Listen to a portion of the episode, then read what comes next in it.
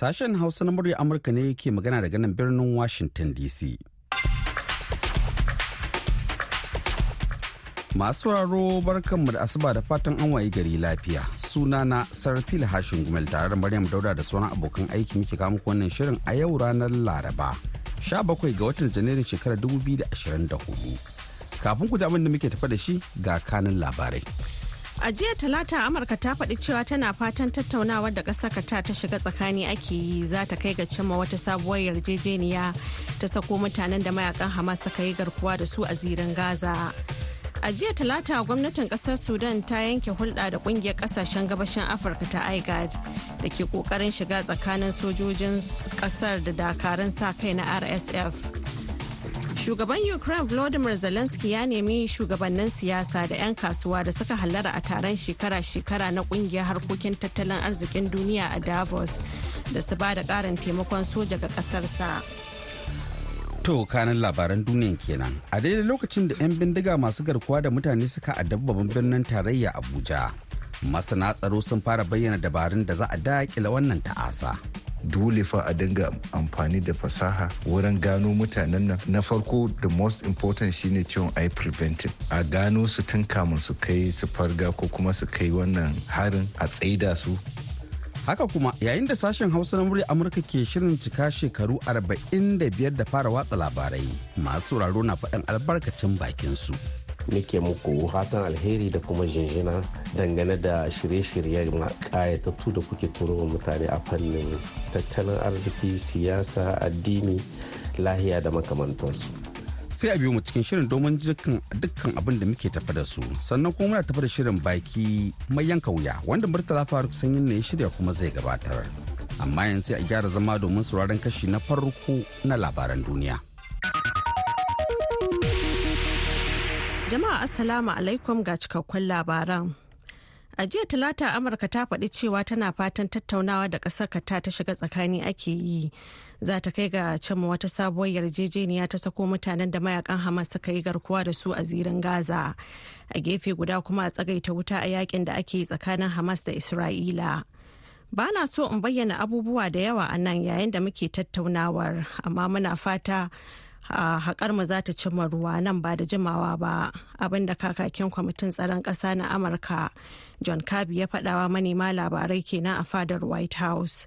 Sama da mutane 100 da aka yi garkuwa da su ne aka sako a lokacin da aka cimma wata yarjejeniyar tsagaita wuta ta wani ɗan lokaci a watan nuwamban bara amma ana kyautata zaton har yanzu mutane 132 na hannun mayaƙan hamas a gaza. Ciki har da gawarwakin wasu sama da ashirin da suka mutu ko aka kashe su. A jiya talata gwamnatin ƙasar Sudan ta yanke hulɗa da ƙungiyar ƙasashen gabashin Afirka ta IGAD da ke ƙoƙarin shiga tsakanin sojojin ƙasar da dakaran sa kai na RSF da ba sa ga maciji da juna. Inda ta zargi ƙungiyar da keta 'yancin ƙasar Sudan a matsayin 'yantacciyar ƙasa ta hanyar gayyatar shugaban rundunar RSF zuwa wani taron koli da za a yi. Rundunar sojan a ƙarƙashin jagorancin janar abdul fatah burhan da kuma dakaran rsf a ƙarƙashin jagorancin janar muhammad hamdan da galo tun a watan afrilu suke gwabza fada don kama ikon sudan. Takaddamar da aka daɗe ana yi ta rikide ta koma yaƙi a kan tituna musamman a babban birnin ƙasar da ma wasu yankuna ciki har da yammacin darfur. A cikin wata sanarwa da ta fitar ma'aikatar harkokin wajen ƙasar sudan wacce ke goyon bayan sojojin ƙasar ta ce matakin na zaman wani martani ga ƙungiyar aiga da ta gayyaci da galo ba tare da tuntubar ta ba. Lamarin da ya ce ya saba wa 'yancin gwamnatin sudan na zama 'yantacciyar ƙasa. A gobe alhamis ake sa ran taron ƙungiyar aigar karo na 42 zai wakana a birnin kampala na ƙasar uganda. Shugaban Ukraine Volodymyr Zelensky ya nemi shugabannin siyasa da 'yan kasuwa da suka hallara a taron shekara-shekara na ƙungiyar harkokin tattalin arzikin duniya a birnin Davos na ƙasar Switzerland a jiya talata da su ba da karin taimakon soja ga kasarsa. In ba haka ba wasu ƙasashe na tattare da hadarin fuskantar hari daga rasha a daidai lokacin da a kif ake fargabar sannan a hankali ƙasashen duniya ba sa mai da hankali sosai akan batun yaƙin. Yayin da aka mai da hankali sosai a kan rikice-rikice a gabas ta tsakiya da hare-haren mayaƙan hufi kan jiragen ruwan dakon kayayyaki a tekun bahar maliya zelensky ya yi amfani da taron na davos don jan hankalin duniya akan hadarin da ke tattare da yaƙin da ƙasarsa ke yi da mamayar rasha.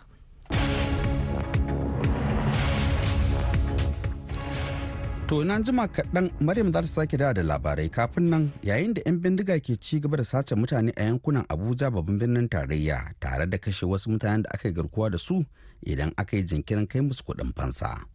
Ministan Abuja ya jagoranci wani taron gaggawa na tsaro tare kuma da kwantarwa da mazauna birnin hankali ta hanyar alwashin ɗaukar matakan kawo ƙarshen wannan masifa. Daga Abuja ga rahoton Hassan Mai na kaina. That there's no need for panic. We're taking every step.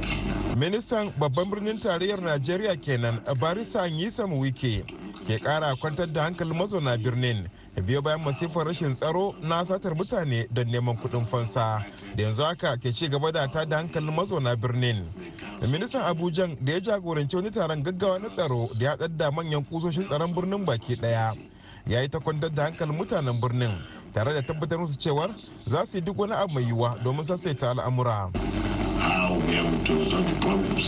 a halin yanzu dai gwamman mutane ne ke ci gaba da zama a hannun 'yan bindiga a cikin daji da aka sassace su daga sassa daban-daban na birnin wanda kuma ifi jin hankalin jama'a ba bayan nan shine gwamman mutanen da aka ɗebe daga yankin karamar hukumar buhari da tun da farko bayan kashe wata budurwa daga cikin waɗanda aka kama ɗin sakamakon gaza kai kuɗin fasa a kan lokaci 'yan bindigar kazalika sun kuma kara bindige karin wasu mutane guda biyu. Sannan sun kara yawan kuɗin fasan da suke nema zuwa naira miliyan 700 abin kuma da ya karata da hankalin hatta manyan jami'an gwamnati irin su honorable dalatu ezekiel musa da ke zama kwamishinan hukumar sauraron kayayyakin jama'a na yankin babban birnin tarayyar. Kan maganan tsaro a abuja ya zama wani abu kamar ruwa dare wanda yanzu musamman a kauyukanmu na abuja a wannan six different area councils to akwai matsala sosai ga maganan tsaro. Wayanan masu ɗauke mutane don neman kuɗin fansa a wani lokaci a yi kisan gilla ko akan gonakinsu ko a gidajensu to ya zama wani abin da ya tada hankalin mutane. To kuma ba mu ci gaba da shiru ba sai dai mu kirawo wato relevant authority ministan abuja a jami'an tsaro da sauran mutane a ga inda za a shawo kan wannan abin. Don muka yi hankali muka yi shiru to ya fara a kauyuka ba allah kaɗai sai da zai tsaya. Sannan kuma na yi magana ne ce shi ministan abuja ya mayo da hankalin shi ganin inda za a yi a ceci rayukan mutane da kuma kuma kowa ya kwanta idanunsa biyu a rufe yana bacci. To shin yanzu ina mafita? Tambayar kenan da na yi wa masanin tsaro Win Commander Musa Isa Salman. dole fa a dinga amfani da fasaha wurin gano mutanen nan. Na farko the most important shine ciwon eye preventing. A gano su tun kamun su kai su farga ko kuma su kai wannan harin a tsaida su saboda kar su kai harin. Idan kuma aka samu ciwon an samu sakaci ko kuma an samu gulbi haka na har aka kai ga wannan harin ya zama ciwon response time din between sanda aka kai wannan harin da kuma sanda za a mai da martani bai da yawa domin wannan rashin mai da martani da wuri shi ke sa har ya zama for example idan aka yi kidnapping ɗin mutane har a kai su inda ba za a iya kwato su ba. Win Commander Musa Isa Salman babban dai abin da ke tada hankalin jama'ar Abuja a irin wannan lokaci shine yadda 'yan bindiga daɗin ke ci gaba da karkashe mutanen da suka kama matuƙar ba kai musu kuɗin fansa akan lokaci ba. Hassan mai na kaina muryar Amurka daga Abuja, Nigeria. To madalla a gaida Hassan mai na kaina. Har yanzu dai kuna tare da sashen Hausa na murya Amurka daga nan birnin Washington DC. Yanzu dai ga Maryam ta da kashi na biyu na labaran duniya. Ƙasar Iran ta kaddamar da hare-hare a jiya talata a Pakistan, inda ta auna abin da ta bayyana a matsayin sansanonin ƙungiyar mayaƙan Jaish al-Adal. kamfanin dillancin labaran irna na ƙasar ya ce an yi amfani da makamai masu linzami da jirage marasa matuki a haram wanda nan take pakistan bata ce komi ba a kai jayish al'adar ƙungiyar mayaƙan 'yan sinni ce wacce galibi ke gudanar da ayyukanta a tsallaken iyakar ƙasar pakistan mai makamin nukiliya. Harin dai na zuwa ne a daidai lokacin da ake kara fuskantar zaman tankiya a yankin da kuma fargabar bazuwar yaƙin da ake yi a gaza tsakanin isra'ila da hamas. Da yammacin shekaran jiya litinin iran ta harba makamai masu linzami zuwa cikin iraki a wurin da ta bayyana a matsayin shalkwatar leƙen asirin isra'ila a kusa da ƙaramin ofishin jakadancin amurka da ke birnin erbil. A halin da ake ciki ƙasar pakistan ta tabbatar da cewa harin na tsallaken iyaka da iran ta kai ya kashe wasu yara biyu a lardin balukistan da ke kudu maso yammacin ƙasar ta kuma gargaɗi iran kan cewa akwai mummunan sakamako. Sanarwar ta zo ne 'yan sa'o'i bayan da iran ta ce ta kai farmaki kan wasu wuraren ƙungiyar mayaƙan jayish al'adal da ake zargin sanfaki a ɓangaren iyakar pakistan mai tazarar kilomita kusan 900 tsakanin ƙasashen biyu. An ba da rahoton cewa dakarun rundunar irgc su ne suka kai har-haren na makamai masu linzami da jiragen sama marasa matuki a balukistan da yammacin jiya talata ma'aikatar harkokin wajen pakistan ta yi allah wadai da ke ta sharaɗan sararin samaniyar ta da iran ta yi ba gaira ba dalili sannan ta ce harin ya kuma jikata wasu yara mata uku. Maryam Dauda kenan ta karanto mana labarai daga nan sashen Hausa na murya Amurka a birnin Washington DC.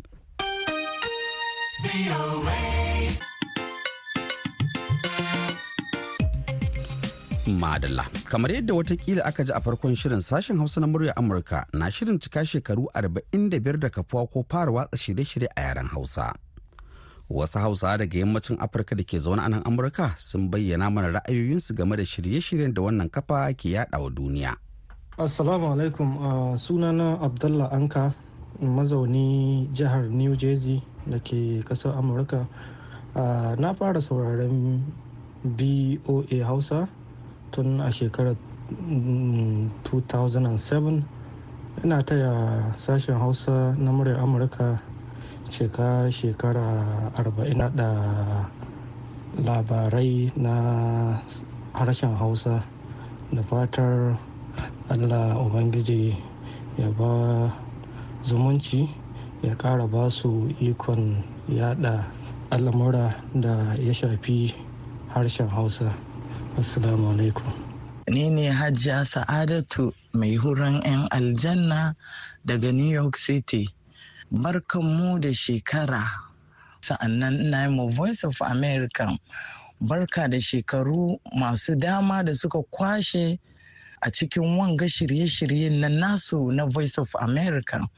Fadin duniya masoyanku muna sauraron ku kuma muna jin daɗin shirye-shiryenku to allah ya dafa muku allah kuma ya saka muku da alheri.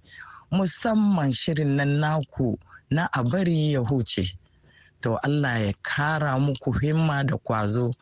Malama grace ga gaisuwa na ma'aikatan nan duk baki ɗaya amma na gan cikin shirye-shiryen nan naku na a bari ya wuce na gan kina yawan damun hulanawa. Hanya hajiya grace kina neman ko ki sha hura da nono?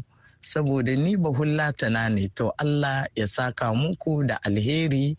Allah ya sa ku jima kuna yi. Mu kuma masu sauraron ku Allah ya sa mu jima muna sauraron ku saboda an ce a jima ana yi sai gaskiya. To Allah saka muku da alheri. Ni ne abubakar alal dan asalin nijar mazaurin gani indianapolis a nan america. A albarkacin cikakku shekara 45 nake muku hatan alheri da kuma jinjina dangane da shirye-shirye kayatattu da kuke turo wa mutane a fannin tattalin arziki siyasa addini lahiya da makamantansu. Na da sauraron voa hausa tun da aka tsira ta. Ina dan samari bisa ga kusantar ma'ahina allah ji kan shiga mashi da rahama da ke sauraron ta akai-akai. Na shine ya kasance kun samu wani wakili a garin agadas ɗinmu ta jamhuriyar Nijar. Ni ne Alhaji Lukman Abbas ina magana da birnin New York City. Sashen Hausa na muryar Amurka muna taya ku murna game da kaiwanku shekara 45. muna cikin masu saurare na yi shekara 23 ina sauraren sashen hausa na muryar amurka muna gamsuwa da shirye-shiryen da kuka yi muna musamman shirin ciki da gaskiya kullum muna saurare to kaiwanku shekara 45 muna fatan ku create mana sababbin shirye-shirye wanda kuma za mu dinga gamsuwa da su. Fatan alheri. Ina gaida ma'aikatan sashen hausa na muryar amurka baki ɗayanta especially alhaji mustapha sokoto. To madalla mun gode da wannan gashe-gashe kuma a gaida muhammad hafiz baballe da ya haɗa mana ra'ayoyin. Wannan shirin na zuwa muku ne kai tsaye daga nan birnin washington dc wanda yanzu agogon ma'anan yake cewa ƙarfe goma sha biyu da minti goma sha biyar na dare. Yanzu kuma sai shirinmu na gaba. Baki mai yanka wuya.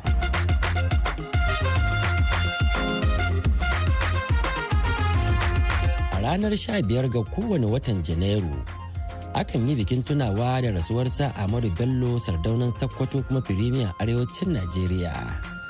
To kowace irin gudunmuwa ne ya bayar a ɓangaren shata tubalin mulkin demokuraɗiyya.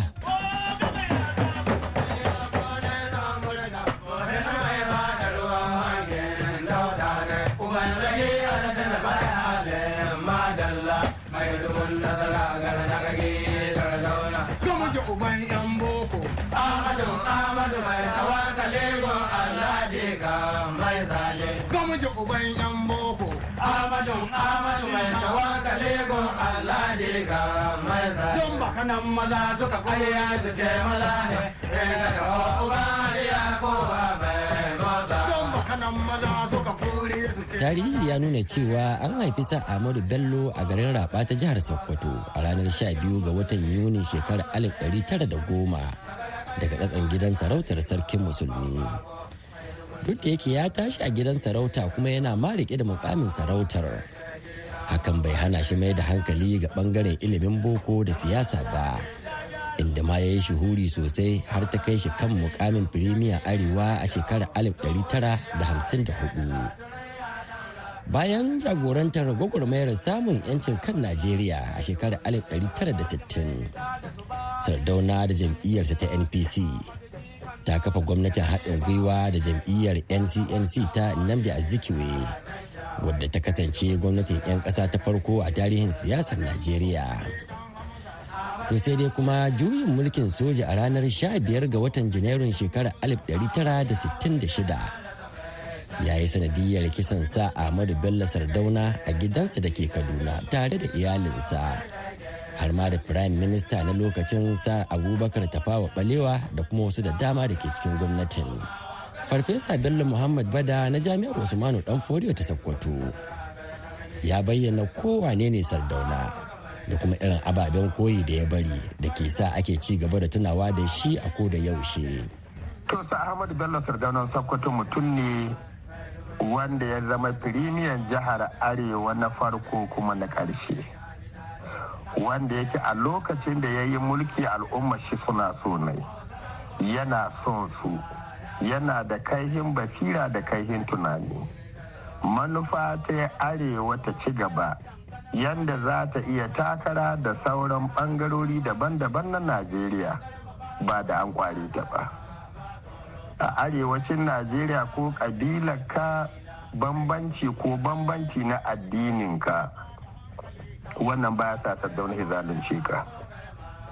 Don haka ya rungumi kowa shi yasa irin su makiyar audu buba suke kusa gare shi.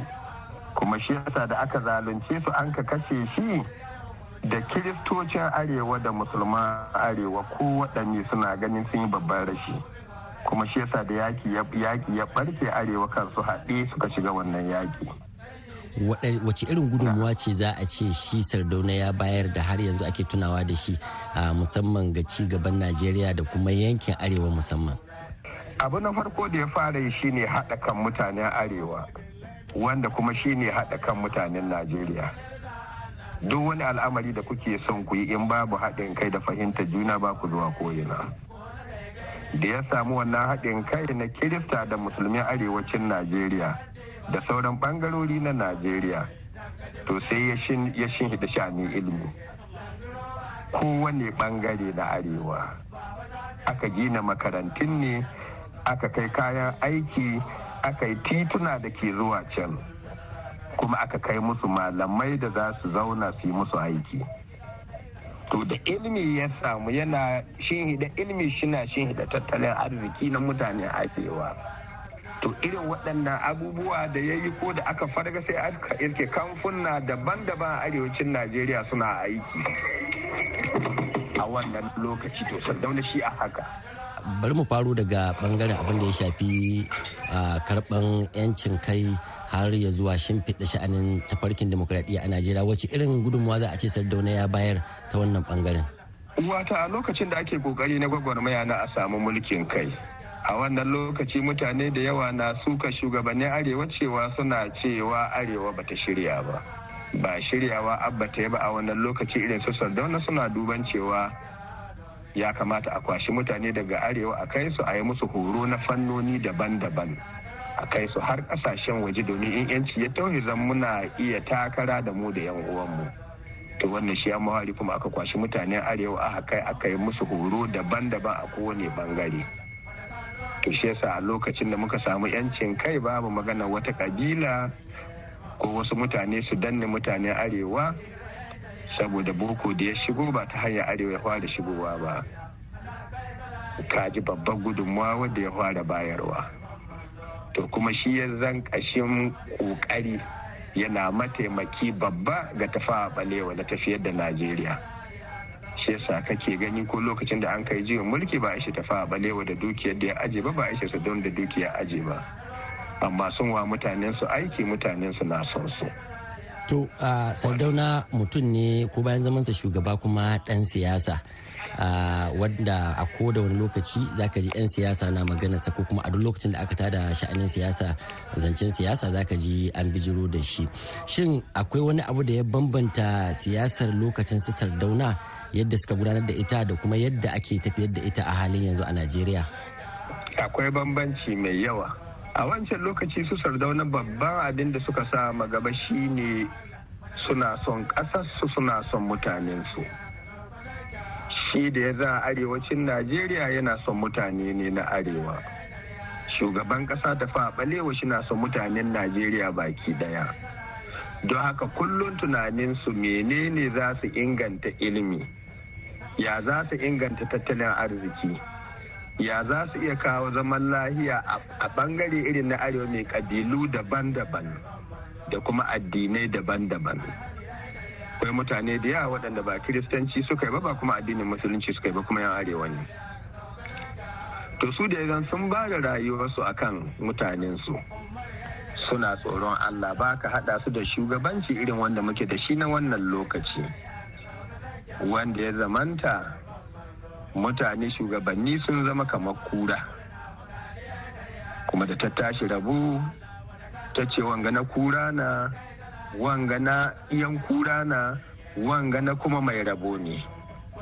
To shi a shugabanci irin wanga lokaci shi ya bambanta da waɗancan mutane kuma shi yasa shekara yau fiye da hamsin da musulmi da wanda ba musulmi a arewacin najeriya yana tuna waɗannan mutane yana tuna su da alheri kuma shi na musu addu'a.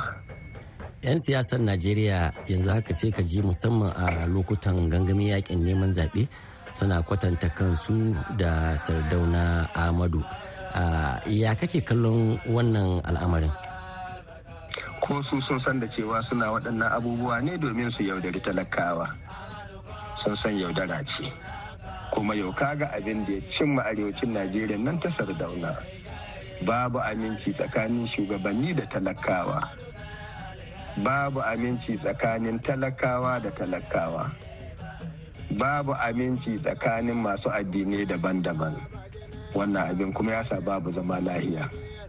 Na'am a ɗaya daga cikin matsalolin da yanzu haka suke addabar arewacin najeriya ma shine rarrabuwar kai. Zaka ga ana ta rikice-rikicen kabilanci da kuma musamman na addini wanda wasu ke ganin kamar ya saba ma tafarki irin wanda shi sardauna sa'amadu bello ya shimfiɗa arewa a kanta. Yaya abin yake a wancan lokaci da kuma yadda ya bambanta a yanzu?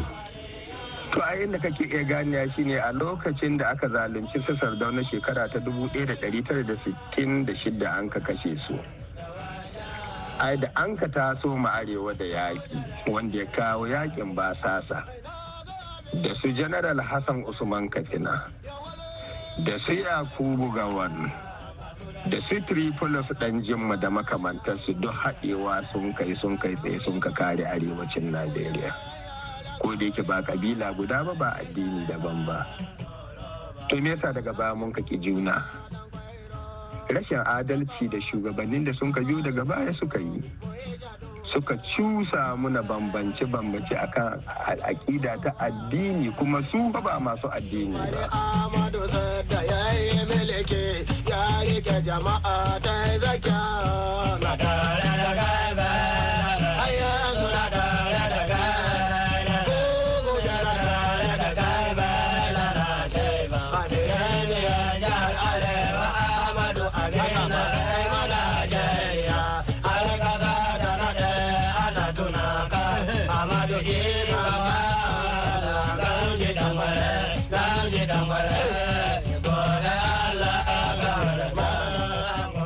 Masu saurare a nan za mu dasa aya sai mako mai zuwa inda za mu kawo muku wani sabon shiri. A madadin Farfesa Bello Muhammad Bada da kuma Dadi Balawe da ya daidaita mana sautin shirin. Murtala Faruk Sanyin na ke muku sallama daga Washington DC. To madalla a gaida dan mutan sanyin na yanzu kuma ga wannan saƙon.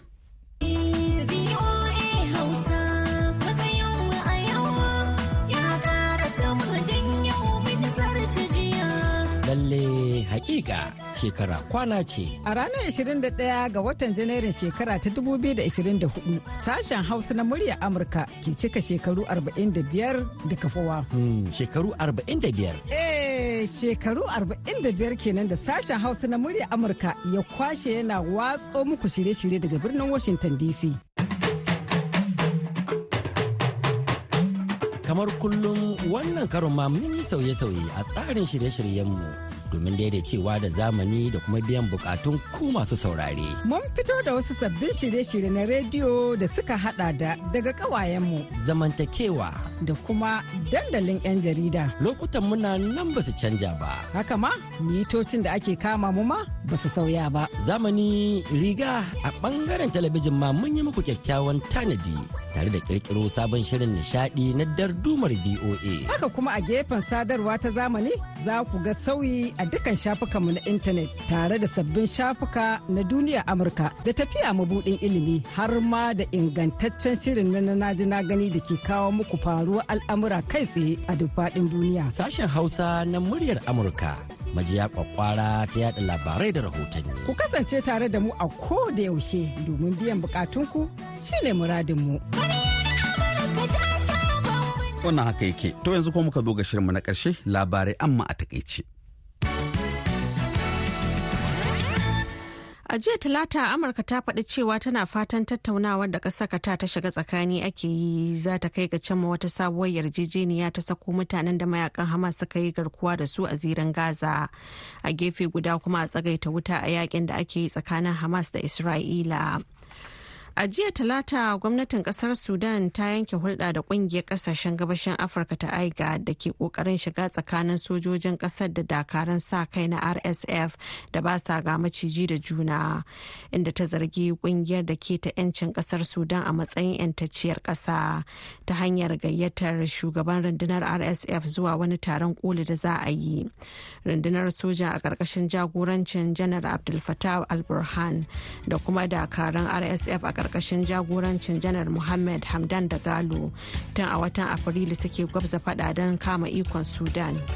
To madalla masu sauraro baki ɗaya abin da ya sabo kenan a shirinmu na yanzu. Sai kuma mun dawo an jima kaɗan da hantsi za mu sake da wani sabon shirin.